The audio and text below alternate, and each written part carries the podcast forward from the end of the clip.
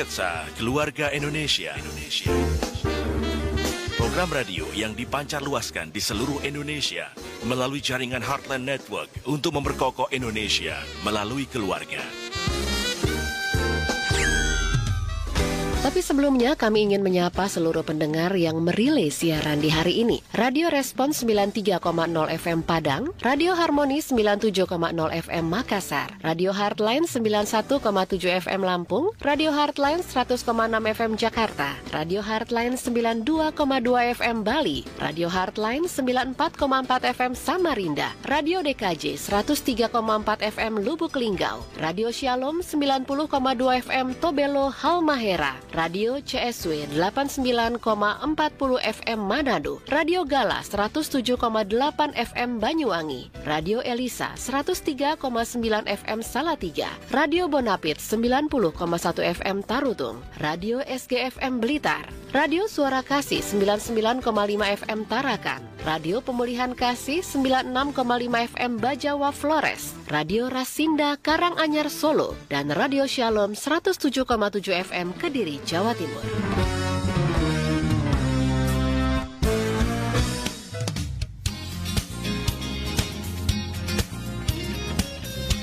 Pendengar LPPL Indonesia dan Headline Radio Network, saatnya kita ikuti live talk show Nasional ISMI Kemendagri Goes to Campus. Acara ini terselenggara atas sinergi program bersama Kementerian Dalam Negeri, Yayasan Bentang Merah Putih, Yayasan Pandu Pemimpin Cinta Bangsa karena Bahasa Cinta, tanda seru.id, Headline Radio Network, dan Persatuan Radio TV Publik Daerah seluruh Indonesia. Indonesia Persada ID untuk menyiarkan baik.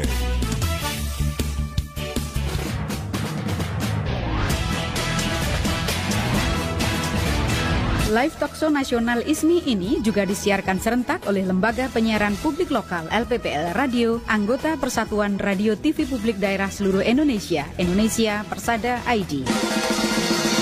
Mardika FM Kota Blitar, Jawa Timur, Suara Sidoarjo, Jawa Timur, Slawi, Kabupaten Tegal, Jawa Tengah, Radio Publik Mimika, Papua, Magetan Indah, Jawa Timur, Tangerang Radio Banten, Suara Ngawi, Jawa Timur, Mako Suara Cita, Streaming Kota Malang, Jawa Timur, Top FM, Sukoharjo, Jawa Tengah, Langkisau, Pesisir Selatan, Sumatera Barat, Suara Kampar, Riau, Suara Citra Lamandau, Kalimantan Tengah, Sawah Lunto FM, Sumatera Barat, Irama, Purworejo, Jawa Tengah, Kartini, Jepara, Jawa Tengah, Ijang Kencana, Indramayu, Jawa Barat, Penggawi, Banggai Laut, Sulawesi Tengah, Suara Giri Menang, Lombok Barat, Nusa Tenggara Barat, RPKD dan Pasar Bali, Ramapati, Kota Pasuruan, Jawa Timur. Radio Guyup Rukun Tulungagung Jawa Timur. Wika Streaming Kabupaten Mojokerto Jawa Timur. Suara Pasuruan Jawa Timur. Suara Banjar Martapura Kalimantan Selatan. Sasar Raina Kepulauan Mentawai Sumatera Barat. RPD Kutim Kutai Timur Kalimantan Timur. Gema Sudirman Purbalingga Jawa Tengah. Kanyuruhan Kabupaten Malang Jawa Timur. Praja Angkasa Trenggalek Jawa Timur. Gagak Rimang Blora Jawa Tengah. Gemarandik Musi Banyu Asin Sumatera Selatan. Gemilang Kabupaten Magelang Jawa Tengah. Pradia Suara Tuban Jawa Timur. Radio Pemda Landak, Kalimantan Barat, Singosari, Brebes, Jawa Tengah, Singosari Top, Paguyangan, Jawa Tengah, RTFM, Temanggung, Jawa Tengah, Giri Suara, Wonogiri, Jawa Tengah, Gemilang, Indragiri Hilir, Riau, Suara Gresik, Jawa Timur. Suara Lamongan, Jawa Timur, Karisma Ratu Samban, Bengkulu Utara, Bengkulu, Sonata AM, Kota Bandung, Jawa Barat, Sonata FM, Kota Bandung, Jawa Barat, Porbasora Pas, Tasikmalaya, Jawa Barat, Suara Kayubura, Parigi Mautong, Sulawesi Tengah, Suara Daksinarga, Gunung Kidul, Yogyakarta, Purwodadi, Grobogan, Jawa Tengah, Suara Banjarnegara, Jawa Tengah, Suara Pasaman Sayo, Spasi FM, Pasaman, Sumatera Barat, Turada, Pangkal Perjuangan, Karawang, Jawa Barat, Radio Kabupaten Ketapang, Kalimantan Barat, Suara Kota Probolinggo, Jawa Timur, Gema Saijaan, Kota Baru, Kalimantan Selatan, Suara Tabalong, Kalimantan Selatan, Ijejela, Barito Kuala, Kalimantan Selatan, Suara Murakarta, Hulu Sungai Tengah, Kalimantan Selatan, Merapi, Boyolali, Jawa Tengah, Bercahaya, Cilacap, Jawa Tengah, Magelang, Kota Magelang, Jawa Tengah. Buana Asri, Sragen, Jawa Tengah. Suara Madiun, Jawa Timur. RSPD Klaten, Jawa Tengah. Puroboyo, Kabupaten Madiun, Jawa Timur. Suara Pacitan, Jawa Timur. Suara Kudus, Jawa Tengah. RSPD Labuhan Batu, Sumatera Utara. Ananta Suara Praja, Jembrana, Bali. Radio In, Kebumen, Jawa Tengah. Suara Pati, Jawa Tengah. Suara Lima Luhak, Rukan Hulu, Riau. Dimensi Baru, Lampung Selatan, Lampung. Pesona, Wonosobo, Jawa Tengah. Radio Suara Kabupaten Kupang, Nusa Tenggara Timur. Pas FM FM Lampung Tengah Lampung, RSPD Asahan Sumatera Utara, Abdi Persada Banjarbaru Kalimantan Selatan, Radio Suara Anjuk Ladang Nganjuk Jawa Timur, Wansing Kuantan Singingi Riau, Radio Pemerintah Kabupaten Pasir Kalimantan Timur. Batara, Barito Utara, Kalimantan Tengah, Suara Bangkalan, Madura, Jawa Timur, Suara Kota, Mataram, Nusa Tenggara Barat, Malawapati, Bojonegoro, Jawa Timur, Citra Bahari, Rembang, Jawa Tengah, Radio Kota Batik, Kota Pekalongan, Jawa Tengah, Sebayu, Kota Tegal, Jawa Tengah, Persada, Kabupaten Blitar, Jawa Timur, Suara Indragiri, Swai FM, Indragiri Hulu, Riau, Barometer, Kota Kediri, Jawa Timur, Tuntung Pandang, Tanah Laut, Kalimantan Selatan, Saruga, Solok Selatan, Sumatera Barat, Suara Gayo, Gayo, Gayo Luas, Nangro Aceh, Darussalam, Radio Citra Lestari, Kabupaten Sukabumi, Jawa Barat, Deli Serdang Berseri, Deli Serdang, Sumatera Utara, Blambangan, Banyuwangi, Jawa Timur, RSPD Soe, Timur Tengah Selatan, Nusa Tenggara Timur, In Radio, Pangkal Pinang, Kepulauan Bangka Belitung, Lansek Mani, Sijunjung, Sumatera Barat, Suara Jombang, Jawa Timur, Gelora, Gianyar, Bali, Suara Sika, Nusa Tenggara Timur, Bumi Sumohai, Yahukimo, Papua, Junjung Besau, Bangka Selatan, Selatan, Kepulauan Bangka Belitung. Persatuan Radio TV Publik Daerah Seluruh Indonesia, Indonesia Persada ID, organisasi yang mewadahi lembaga penyiaran publik lokal, radio dan TV publik milik pemerintah daerah seluruh Indonesia, bertujuan menjaga ketahanan informasi negara di daerah Indonesia Persada ID untuk menyiarkan baik. Ya, turut bergabung bersama kita ada Suara Serasi FM Kabupaten Semarang Jawa Tengah, Batara FM Barito Utara Kalimantan Tengah, lalu ada Radio Suara Kabupaten Kupang Nusa Tenggara Timur dan Suara Mataram Nusa Tenggara Barat. Luar biasa 99 radio belum termasuk Hardline Radio Network. Wow. Selamat pagi Indonesia, salam Pancasila. Selamat bergabung kembali dalam Nasional ISMI bersama saya Franz Nicholas dan hari ini tanggal 21 September bertepatan dengan hari uh, perdamaian internasional. Dan ngomong-ngomong soal perdamaian hari ini saya akan ditemani oleh narasumber yang sangat luar biasa beliau tidak hanya berjasa uh, sebagai or, uh, sebagai orang yang uh, menjaga perdamaian di Indonesia tapi juga dalam kancah internasional. Saat ini beliau menjabat sebagai Ketua Umum Kehormatan Dewan Pimpinan Pusat Legiun Veteran Republik Indonesia. Beliau adalah prajurit terbaik uh, satu-satunya orang Indonesia yang pernah ditunjuk untuk menjadi pemimpin dari United Nations Emergency Forces 2 dalam misi perdamaian PBB di Timur Tengah uh, dan mengepalai 4.000 tentara dari berbagai negara di dunia. Wow, luar biasa. Mari uh, kita sama-sama sambut uh, Bapak uh, Legend TNI Purnawirawan Rais Abin. Selamat pagi Pak Rais. Merdeka Pak. Waduh, senang sekali saya bisa ngobrol-ngobrol sama Bapak.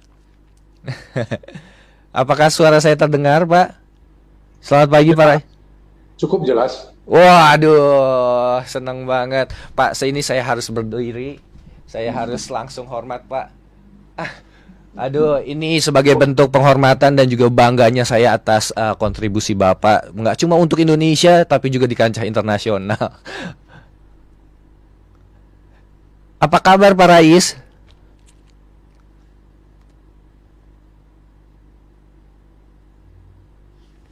Halo? Terima kasih. Baik, sepertinya masih Baik. Waduh. World Peace Day. Luar biasa dari dari nada suaranya, dari uh, ketegasan suaranya masih terlihat ya semangatnya. Baik Pak Rais, sebelum kita ngobrol-ngobrol soal tema kita nih, di mana tema kita pada hari ini adalah perdamaian adalah kunci persatuan dan kekuatan Republik Indonesia dan dunia. Nah, saya mau berkenalan lebih dalam lagi nih. Seperti kata pepatah kan, tak kenal maka tak sayang. Saya pengen dengar dari uh, kata-kata Pak Rais sendiri. Uh, gimana sih awal mulanya Pak Rais bisa bergabung uh, ke dalam uh, tentara uh, nasional Indonesia? Apalagi kalau misalnya yang saya baca, sebenarnya dulu Bapak tidak punya latar belakang militer sama sekali. Bahkan kalau nggak salah dulu sekolahnya sekolah pertanian. Nah, kenapa Bapak tiba-tiba bisa tergabung dalam tentara nih Pak? Iya, bagaimana ya? Seolah-olah setiap manusia itu ada tulisannya. Tulisannya yang ditulis oleh Yang Maha Kuasa. Hmm. Namun latar belakang itu tidak selalu harus dijadikan pegangan. Betul, Pak. Untuk menetapkan langkah selanjutnya dalam kehidupan. Dalam kenyataannya malahan latar belakang itu banyak mengganggu ya kemajuan selanjutnya. Hmm. Tapi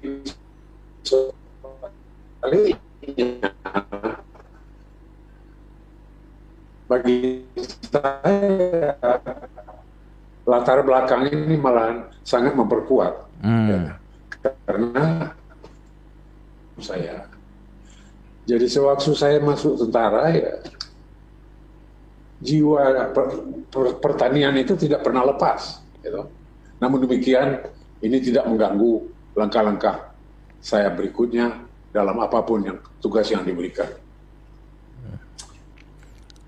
Apa yang membuat Bapak tergerak untuk bergabung dengan TKR pada waktu itu, Pak? Soalnya kalau nggak salah yang saya baca, Bapak pada waktu itu lagi bersekolah dan juga sebenarnya sudah bekerja di suatu perkebunan ya, Pak ya?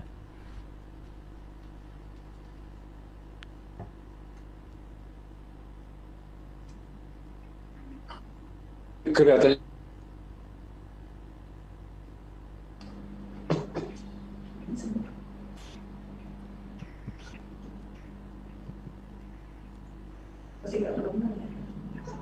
Wah.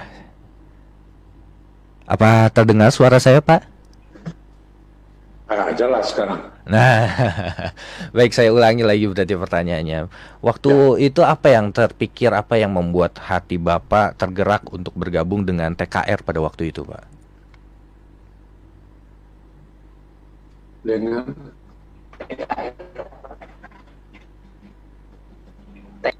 apa itu TKR?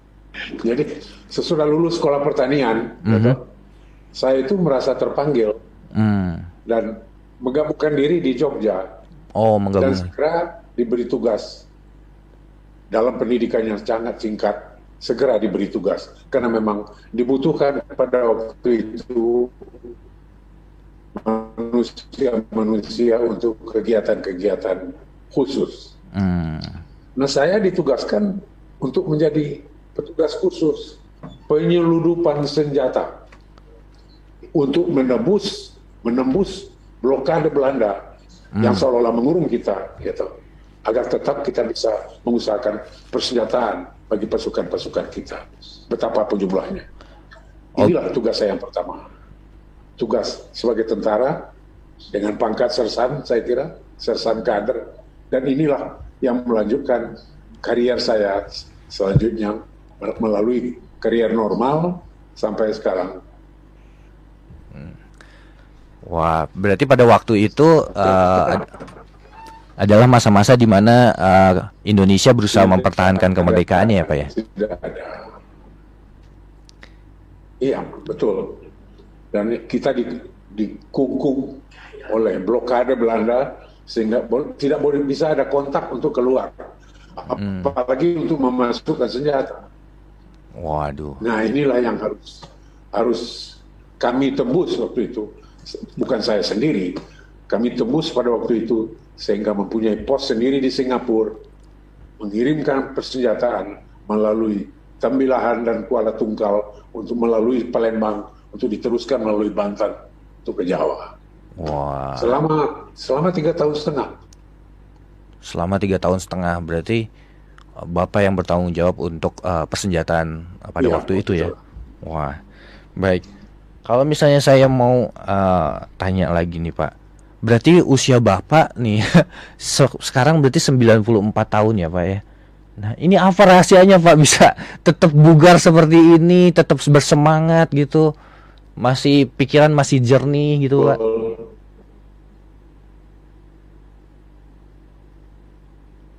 Baik, sepertinya uh, saya katakan Pak Rais, uh, mohon maaf, sepertinya kita harus break dulu karena ada kendala teknis nih sepertinya. Uh, baik, kita break dulu sebentar. Baik. Ya.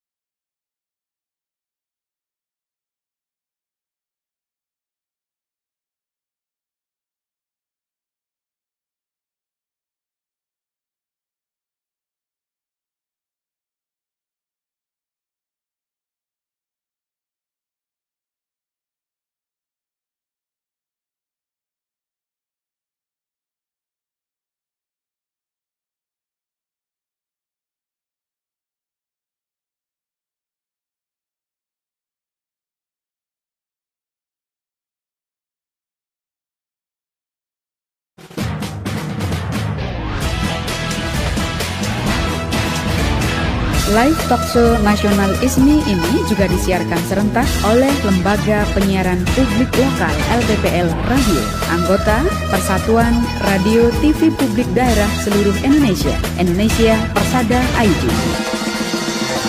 Mahardika FM Kota Blitar Jawa Timur, Suara Sidoarjo Jawa Timur, Selawi Kabupaten Tegal Jawa Tengah, Suara Pasuruan Jawa Timur, Tangerang Radio Banten, Radio Publik Mimika Papua, Gema Sudirman Purbalingga Jawa Tengah, Gagak Rimang Blora Jawa Tengah, Pas FM Rapemda Lampung Tengah Lampung, Suara Banjar Martapura Kalimantan Selatan, Giri Suara Wonogiri Jawa Tengah, Kartini Jepara Jawa Tengah, Irama Purworejo Jawa Tengah, Top FM Sukoharjo Jawa Tengah, Purwodadi Grobogan Jawa Tengah, Ijang Kencana, Indramayu, Jawa Barat, Suara Kampar, Riau.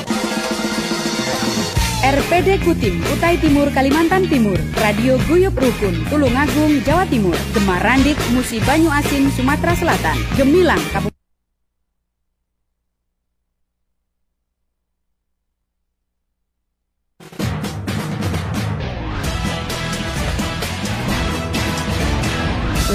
Talkshow Nasional ISMI ini juga disiarkan serentak oleh Lembaga Penyiaran Publik Lokal LPPL Radio, anggota Persatuan Radio TV Publik Daerah Seluruh Indonesia, Indonesia Persada ID. Mahardika FM Kota Blitar Jawa Timur, Suara Sidoarjo Jawa Timur, Selawi Kabupaten Tegal Jawa Tengah, Suara Pasuruan Jawa Timur, Tangerang Radio Banten, Radio Publik Mimika Papua, Gema Sudirman Purbalingga Jawa Tengah, Gagak Rimang Blora Jawa Tengah, Pas FM Rapemda Lampung Tengah Lampung, Suara Banjar Martapura Kalimantan Selatan, Giri Suara Wonogiri Jawa Tengah, Kartini Jepara Jawa Tengah, Irama Purworejo Jawa Tengah, Top FM Sukoharjo Jawa Tengah, Purwodadi Grobogan Jawa Ijang Kencana, Indramayu, Jawa Barat, Suara Kampar, Riau. RPD Kutim, Utai Timur, Kalimantan Timur, Radio Guyup Rukun, Tulungagung, Jawa Timur, Gemarandik, Musi Banyu Asin, Sumatera Selatan, Gemilang, Kabupaten Magelang, Jawa Tengah, Sasaraina, Kepulauan Mentawai, Sumatera Barat, Sawah Lunto FM, Sumatera Barat, Sonata, Kota Bandung, Jawa Barat, Makitan Indah, Jawa Timur, Wika Streaming, Kabupaten Mojokerto, Jawa Timur, Suara Widuri, Pemalang, Jawa Tengah, Bintan FM, Kepulauan Riau, Mako Suara Cita Streaming, Kota Malang, Jawa Timur, RTFM, Teman Temanggung, Jawa Tengah, Ramapati, Kota Pasuruan, Jawa Timur, Raja Angkasa, Trenggalek, Jawa Timur, DBFM Lampung Selatan, Lampung, Radio Kota Batik, Kota Pekalongan, Jawa Tengah, RSPD Klaten, Jawa Tengah, Bercahaya, Cilacap, Jawa Tengah, Pesona Wonosobo, Jawa Tengah, Suara Anjuk Ladang, Nganjuk, Jawa Timur. Singosari, Brebes, Jawa Tengah, Singosari Top Paguyangan, Jawa Tengah, Suara Bangkalan, Madura, Jawa Timur, Suara Ngawi, Jawa Timur, Suara Kudus, Jawa Tengah, RSPD Asahan, Sumatera Utara, Suara Jombang, Jawa Timur, Suara Madiun, Jawa Timur, Gemilang, Indragiri Hilir, Riau, Sarai FM, Saburai Jua, Nusa Tenggara Timur, Suara Kayu Bura, Pariki Mautong, Sulawesi Tengah, Buana Asri, Sragen, Jawa Tengah, Tuntung Pandang, Tanah Laut, Kalimantan Selatan, RSPD Labuhan Batu, Sumatera Utara, Suara Bone Ber Adat, Kabupaten Bone, Sulawesi Selatan, Suara Lima Luha, Rokan Hulu Riau, Suara Tabalong, Kalimantan Selatan, Pradia, Suara Tuban, Jawa Timur. Radio Kota Santri, Kabupaten Pekalongan, Jawa Tengah, Radio Pangkal Pinang, Kepulauan Bangka Belitung, RPKD dan Pasar Bali, IJJLA, Barito Kuala, Kalimantan Selatan, Radio Kabupaten Ketapang, Kalimantan Barat, Purwoboyo, Kabupaten Madiun, Jawa Timur, Gemasa Ijaan, Kota Baru, Kalimantan Selatan, Suara Bono, Pelalawan Riau, Barometer Kota Kediri, Jawa Timur, Citra Lestari, Indramayu, Jawa Barat, Kanyuruhan, Kabupaten Malang, Jawa Timur, Suara Pasaman Sayo, Spasi FM, Pasaman, Sumatera Barat, Ralita, Pamekasan, Madura, Jawa Timur, Sendawar, Kutai Barat, Kalimantan Timur, Malawapati, Bojonegoro, Jawa Timur, Suara Lamongan, Jawa Timur, Singosari Top, Brebes, Jawa Tengah, Kabar, Luwu Utara, Sulawesi Selatan, Suara Kota Probolinggo, Jawa Timur. Karisma Ratu Samban, Bengkulu Utara Bengkulu, Sebayu Kota Tegal, Jawa Tengah, Suara Banjarnegara, Jawa Tengah, Gema Bungu, Jambi, Suara Pacitan, Jawa Timur, RSPD Soe, Timur Tengah Selatan, Nusa Tenggara Timur, Api Persada, Banjarbaru, Kalimantan Selatan, Daya Taka FM, Radio Pemerintah Kabupaten Pasir, Kalimantan Timur, Deli Serdang Berseri, Deli Serdang, Sumatera Utara, Rapela, Radio Pemerintah Kabupaten Landak, Kalimantan Barat, RSPD Kabupaten Kapuas, Kalimantan Tengah, Gelora Gianyar, Bali, Merapi, Boyolali, Jawa Tengah, Multatuli, Lebak, Banten, Persada Kabupaten Blitar, Jawa Timur, Suara Giri Menang, Lombok Barat, Nusa Tenggara Barat. Persatuan Radio TV Publik Daerah Seluruh Indonesia, Indonesia Persada ID, organisasi yang mewadahi lembaga penyiaran publik lokal, radio dan TV publik daerah milik pemerintah daerah seluruh Indonesia, bertujuan menjaga ketahanan informasi negara di daerah. Indonesia Persada ID untuk menyiarkan baik. Ya, turut bergabung bersama kita Suara Serasi FM Kabupaten Semarang, Jawa Tengah, Batara FM Barito Utara, Kalimantan Tengah, Radio Suara Kabupaten Kupang Nusa Tenggara Timur, Suara Mataram Nusa Tenggara Barat dan Radio Kayong Utara Kalimantan Barat. Masih bersama Nasional ISMI bersama saya Frans Nicholas dan bersama kita ada Bapak Letjen Purnawirawan Rais Abin salah satu uh, satu-satunya orang Indonesia yang pernah ditunjuk untuk memimpin pasukan perdamaian United Nation Emergency Force 2 di uh, di antara Israel dan juga Mes Mesir pada waktu itu. Nah, Pak Pak Rais, di tangan saya saya ada kopi surat dari Sekjen PBB pada waktu itu uh, Kurt Waldheim.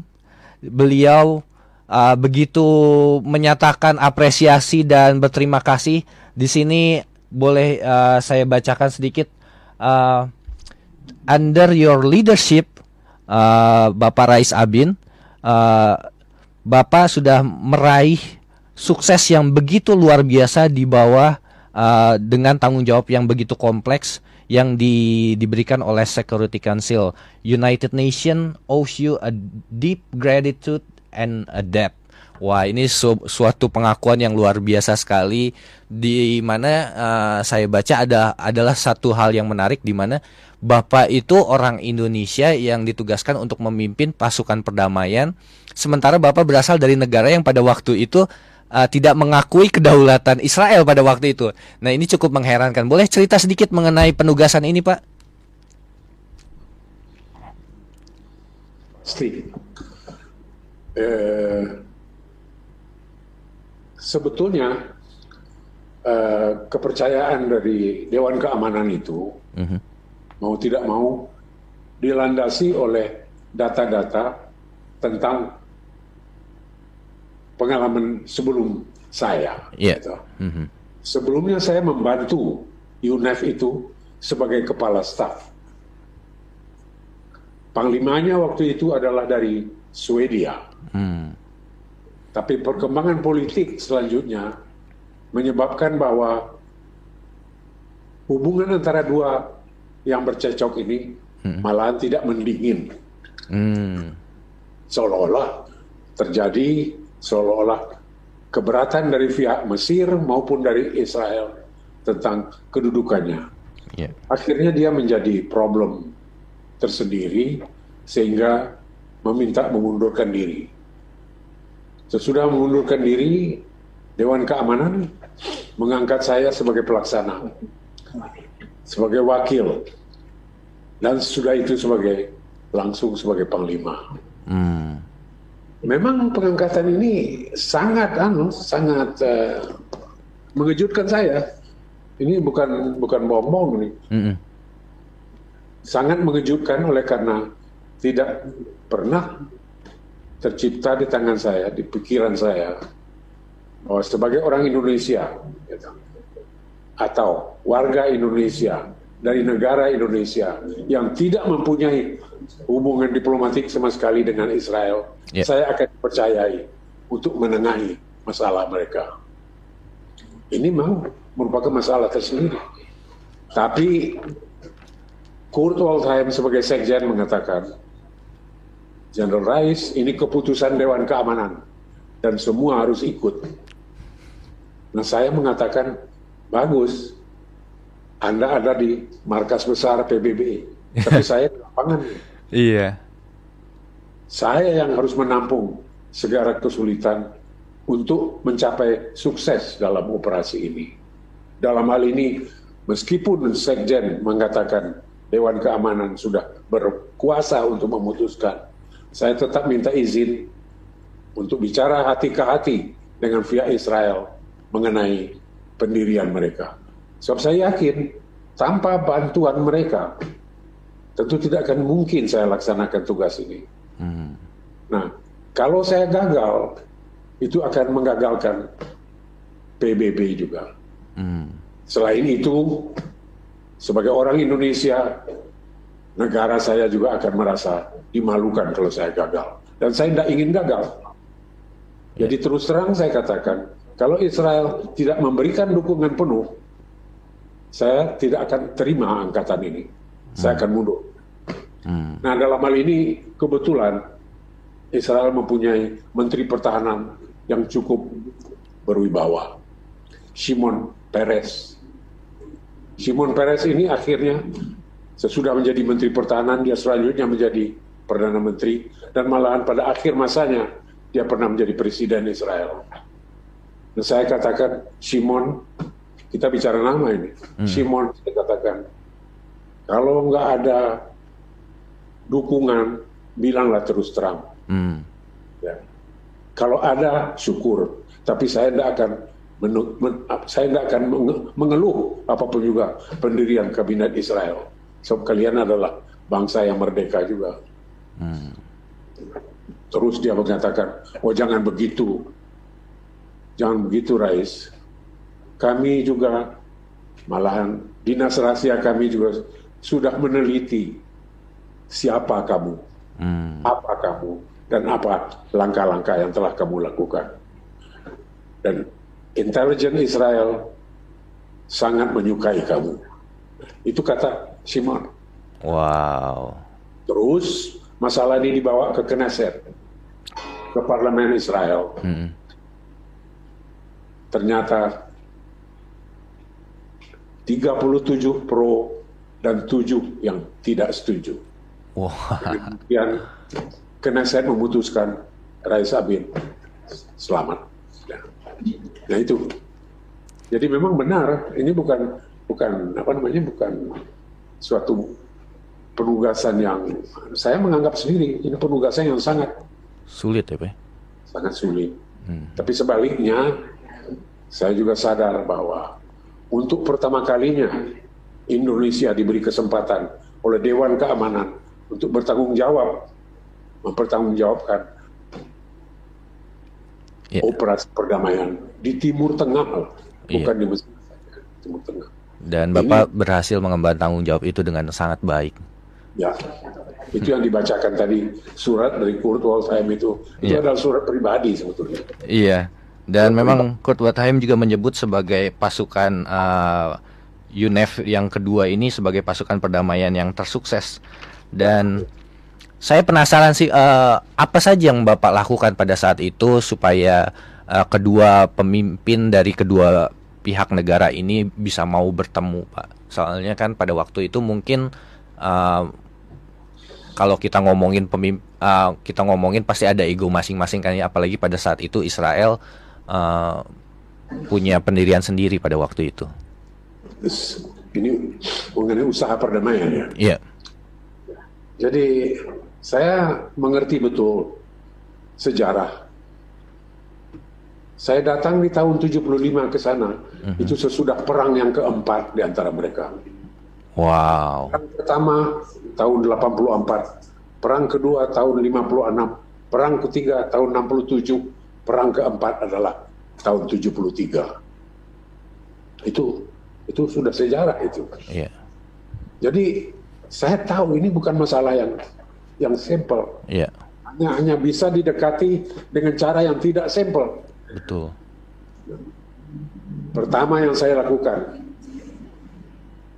saya membuang waktu di Kairo itu satu minggu untuk berhubungan dekat dengan Menteri Luar Negerinya. Hmm. bicara, bicara, bicara.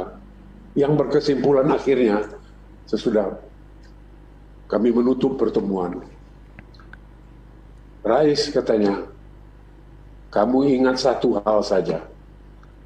Timur Tengah ini, Rais, secara badaniah, secara historis, selalu merupakan badaniah Arab. ratusan tahun.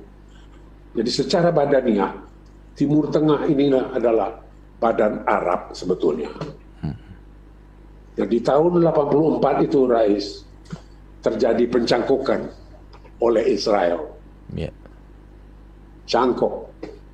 Mencangkokkan dirinya mendirikan negara di dunia kami. Logis bahwa tidak ada badan yang mau menerima cangkokan. Kami pun tidak mau. Hmm, betul. Tapi apa yang terjadi, Rais, sesudah 25 tahun sekarang ini, kenyataan sudah melihatkan bahwa Israel itu tidak bisa dihapus, tidak bisa dihilangkan. Nah, yang kami harapkan sekarang dalam gerakan-gerakan Israel secara politik hendaknya menegaskanlah pendiriannya untuk mengakui badannya Timur Tengah ini. Janganlah cangkokan yang tidak mengakui Timur Tengah. Masa cangkokan sendiri tidak mengakui badannya? Hilangkanlah perasaan itu bagi kami. Dan kalau ini disampaikan, saya yakin bahwa mereka akan mengerti. Mereka harus merubah sikap. Yeah. Ya, bagaimana mereka membutuhkan kedamaian untuk masyarakat dan dunia mereka, untuk rakyat mereka, untuk mencapai kemajuan yang berhasil. Udah, Itu modal pertama itu. Modal pertama bahwa, bahwa secara badaniah dicangkoki oleh Israel. Langsung saya pergi ke Israel, ketemu Peres tadi. Mm-hmm. Kira Simon, inilah yang saya dengar dari rekan kamu dari sana. Meskipun saya tidak mengakui kebenarannya, tetapi ada alasan di sini untuk menagih sebetulnya kepada kamu langkah-langkah lanjutan ke usaha keurusan perdamaian. Mm-hmm. Simon bilang, ya memang juga kita kan tidak bisa ini terus-terus dalam hubungan begini nggak bisa berusaha mendamaikan diri sehingga dapat aman melaksanakan pembangunan bangsa.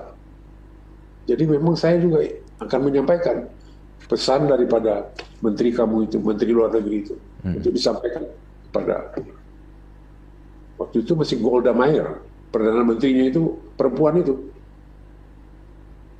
Perdana menteri pertama Israel itu adalah Golda Meir, perempuan. Hmm. Disampaikan, Golda Meir kelihatannya orang yang cukup berani.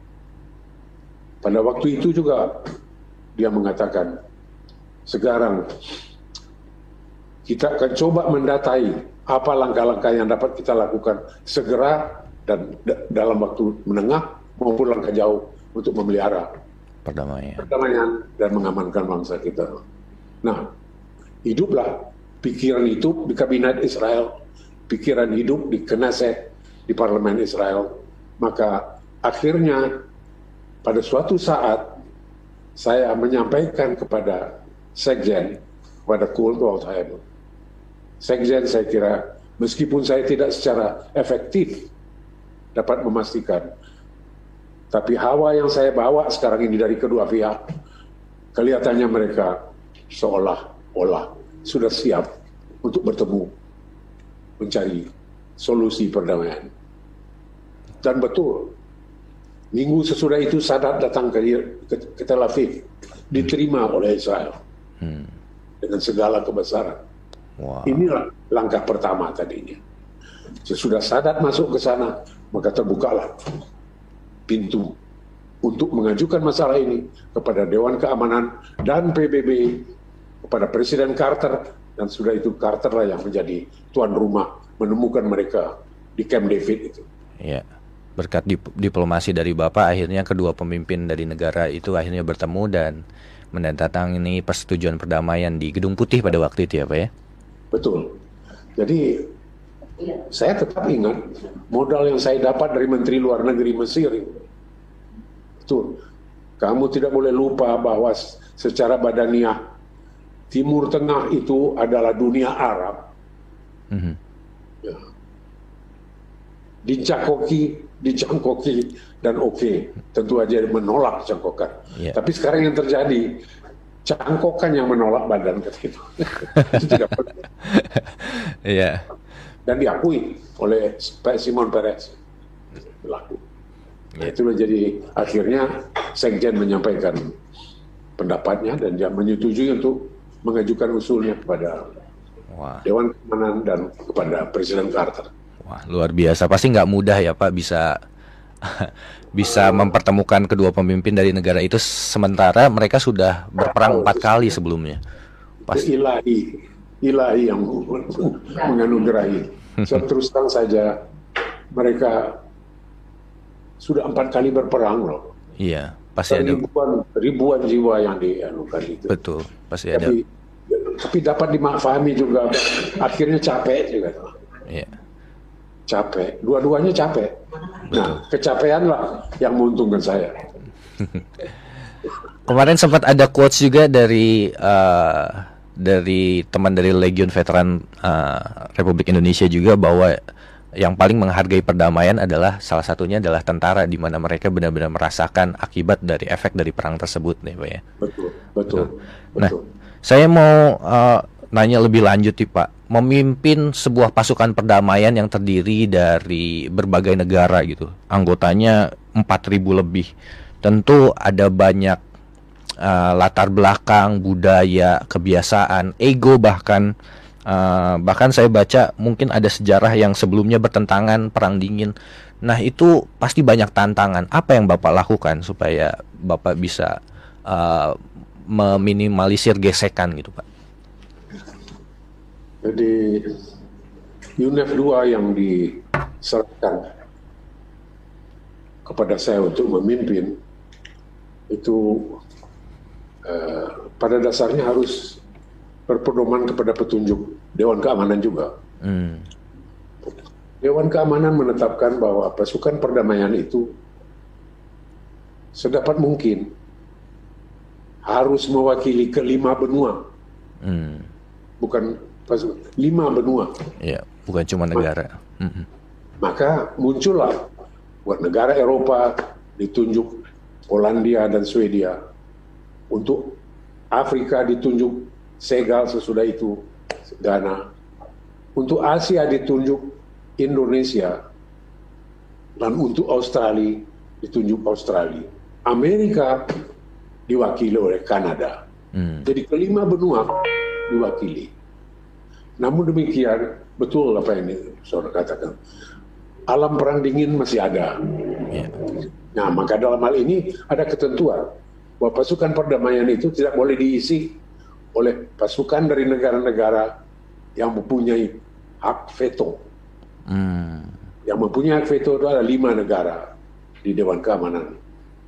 Amerika, Soviet, Cina, Amerika, eh, Inggris, dan Perancis. Dari kelima negara ini tidak boleh masuk pasukan memasukkan pasukan untuk menghindari pertikaian-pertikaian dalam operasi-operasi nanti. Dapat difahami. Karena suasana perang dingin masih ada. Maka dalam hal itu terdapatlah Polandia seolah-olah menjadi penyambung lidah dari Rusia. Yeah. Kanada menjadi penambung lidah dari Amerika, Amerika. maka berisi. Jadi saya terima itu. Dan dengan segala uh, peraturan-peraturan yang di, ditentukan oleh lingkungan pada waktu itu, saya tetap mengatasinya dengan cara yang praktis saja. Jadi dengan menggunakan jalan-jalan praktis. Mm-hmm. Jadi,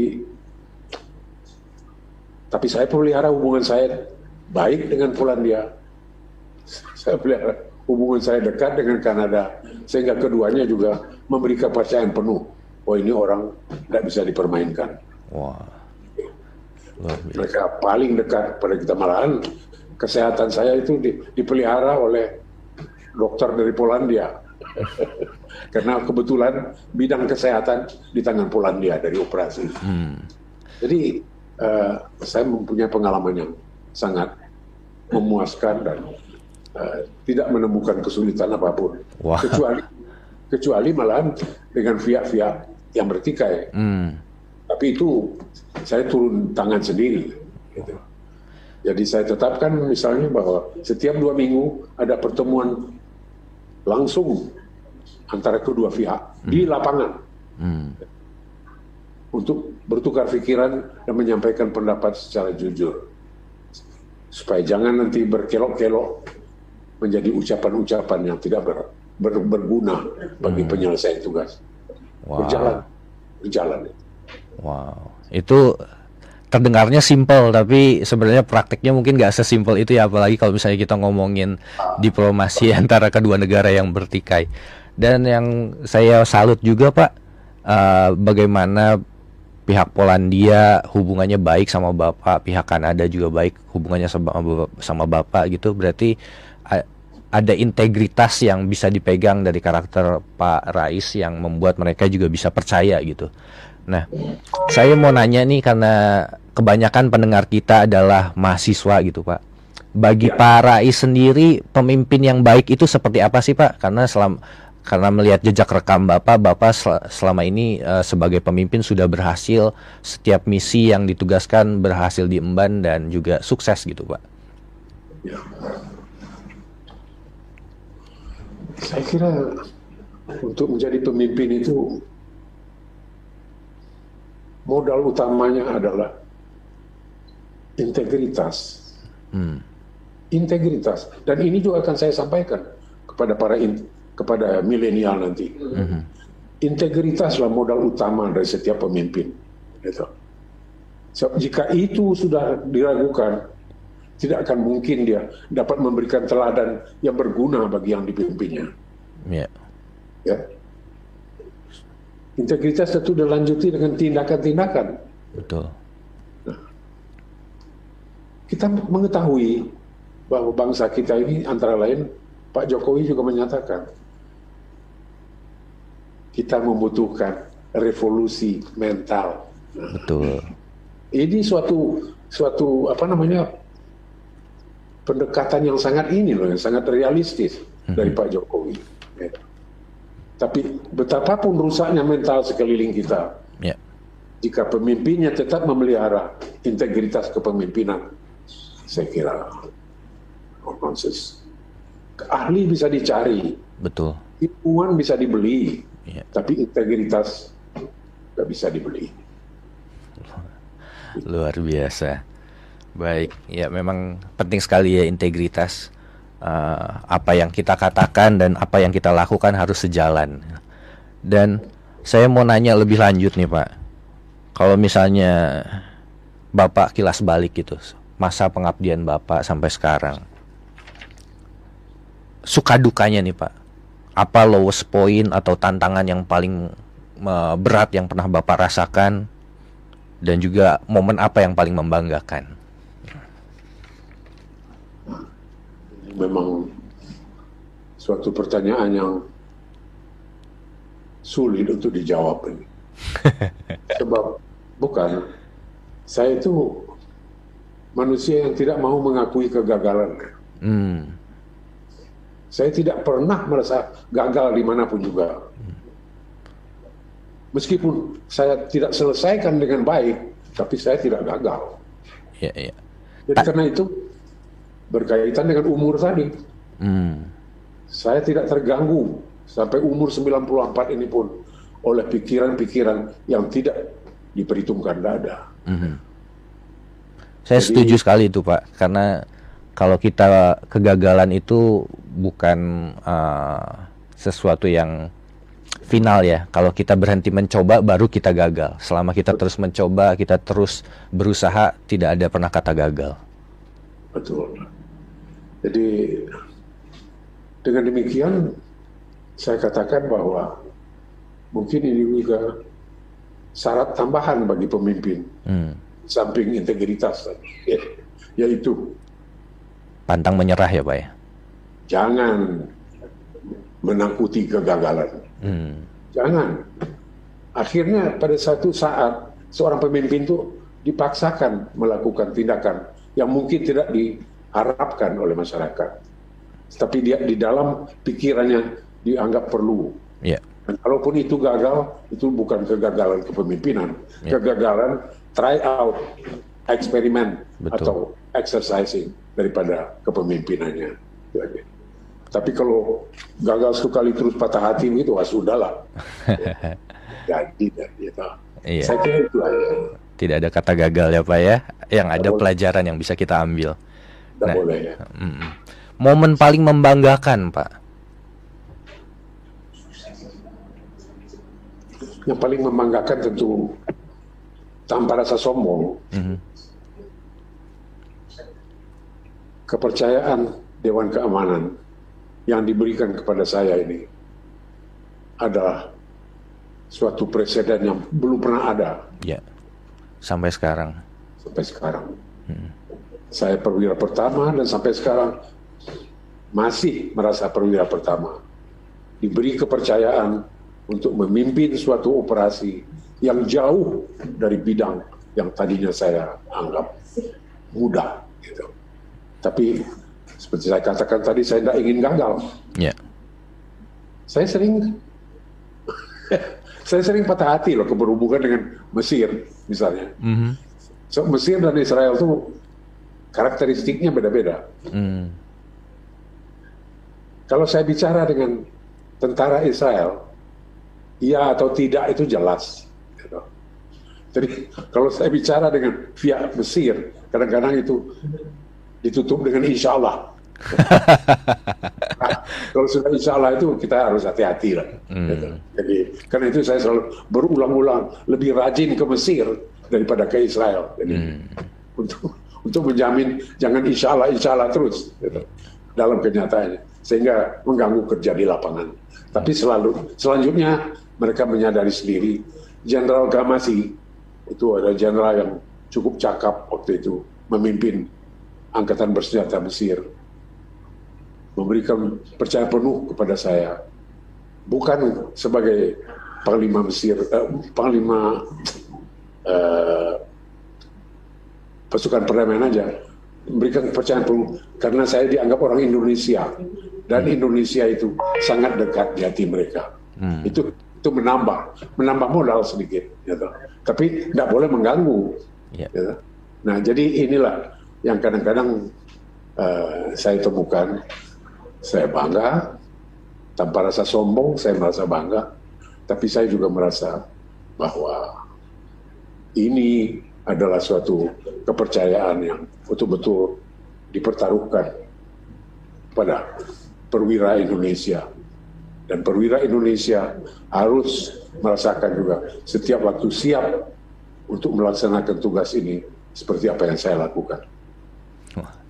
Luar biasa memang. Dan kepercayaan itu dibayar dengan lunas ya pak ya? Setelah ya. itu sebenarnya bapak uh, ditawarkan ditawarkan lagi untuk bertugas di Afrika kalau nggak salah ya pak ya tapi betul, betul, ya. jadi saya diminta oleh sekjen bantu saya di Afrika Selatan di Biafra hmm. untuk mendirikan negara loh luar biasa saya bilang ya itu lain tugas. Kalau ini saya bilang saya kira lebih baik saya konsultasi dulu dengan pemerintah saya. Hmm. So isi saya ke sini adalah untuk operasi perdamaian Timur Tengah. Wah itu saya bisa selesaikan kata Sekjen. Hmm. dikirimlah. Belum lagi satu minggu sudah ada berita dari Menteri Pertahanan waktu itu, hmm. Yusuf Pak Yusuf kan, Menteri Pertahanan. Rais, kau cepat pulang Sudah cukup lama kau naik kuda putih. cukup lama kau naik kuda putih. Cepat pulang kau. Jadi saya beritahukan kepada Sekjen, wah mungkin ini pemerintah saya memerlukan saya, saya kira. Jadi untuk tugas yang lebih lanjut. Hmm. Jadi mohon dipikirkan lagi. ya itu saya pulang, saya lapor sama presiden. Kalau memang ditolak, tolong ditulisi. Kalau disetujui, tulisi. Nah, sampai pada waktu itu saya sendiri yang harus mengonsepkan suratnya untuk menolak pengangkatan ini karena saya ditugaskan untuk melanjutkan tugas asisten perencanaan umum Menteri Pertahanan Keamanan dan Panglima TNI itu. Wah, dan setelah itu Bapak dipercaya juga untuk menjadi duta besar di Malaysia sel ya. selama tiga periode. Setelah itu ya. ke Singapura ya Pak ya. Luar Betul. biasa. Baik Pak, uh, sayangnya waktu kita terbatas banget. Pengen banget saya ngobrol-ngobrol lagi sama Pak Rais mungkin minggu depan atau di lain kesempatan Pak. Uh, ta ya, tapi sebelum itu saya uh, boleh uh, Bapak memberikan saran dan juga motivasi untuk anak-anak milenial, calon-calon pemimpin ya, kita di masa betul. depan. Silahkan Pak. Berapa menit? Uh, tiga menit, tiga empat menit, Pak. Silahkan. Wah, mungkin lebih nih. Ah, nggak apa-apa, Pak. Beda-beda dikit nggak apa-apa lah. Saya beserta teman-teman seperjuangan lainnya merupakan veteran pejuang kemerdekaan. Mungkin bisa dihitung dengan jari sekarang yeah. berapa yang masih dianggap hidup di Indonesia. Di antara kami yang merasa mendirikan, ikut mendirikan negeri ini. Yeah. Nah, namun demikian kami yakin, sadari bahwa kami bukan pendiri negeri ini, kami hanya membantu mendirikan negeri ini. Karena yang mendirikan negeri ini adalah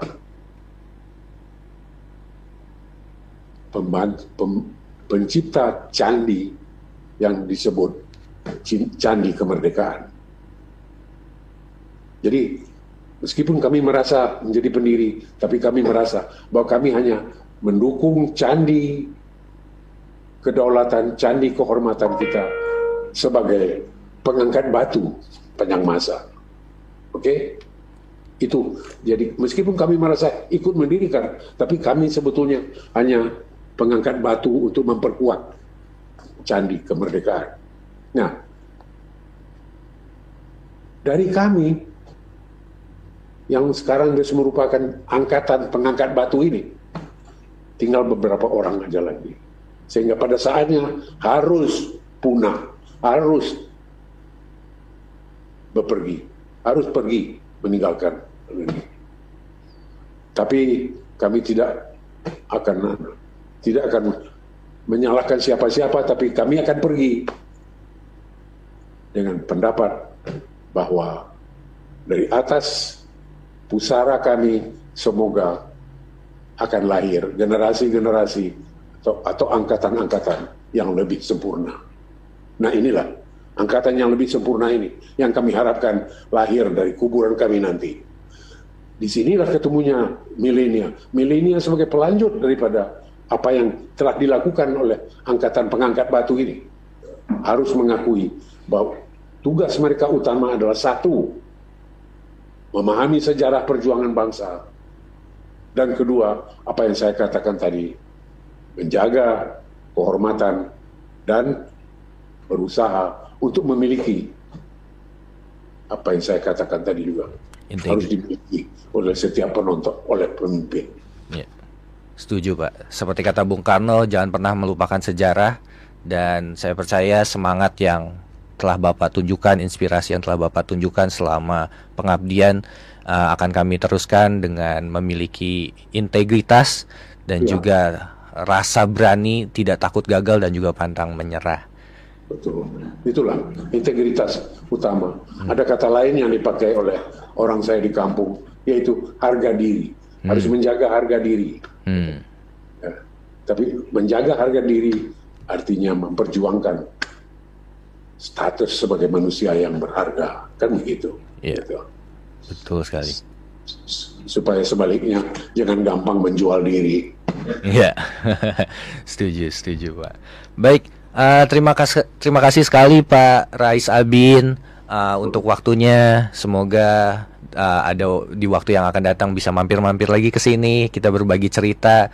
Karena cerita-cerita seperti inilah yang akan membangkitkan rasa cinta tanah air, uh, rasa nasionalisme dan juga uh, keinginan untuk berkorban untuk berbuat bagi bangsa bagi generasi yang selanjutnya. Dan kami juga mengucapkan terima kasih untuk Kemendagri, Yayasan Bentang Merah Putih, Yayasan Pandu Pemimpin Cinta Bangsa, Nasionalisme Radikal, Tanda Seru.id, Hotline Radio Network, Indonesia Persada.id dan juga karena bahasa cinta. Selamat pagi, selamat uh, beraktivitas kembali para Is Abin, sehat selalu. Uh, kita ketemu lagi di lain kesempatan. Merdeka, Pak. Insya Allah, merdeka. Baik, uh, jangan lupa untuk kembali bergabung dalam nasionalisme minggu depan hari Senin jam 10 sampai jam 11 uh, di Hotline Radio Network dan saya Frans Nicholas undur diri. Uh, sampai ketemu, sampai melanjutkan aktivitas. Stay safe and stay healthy. Bye bye.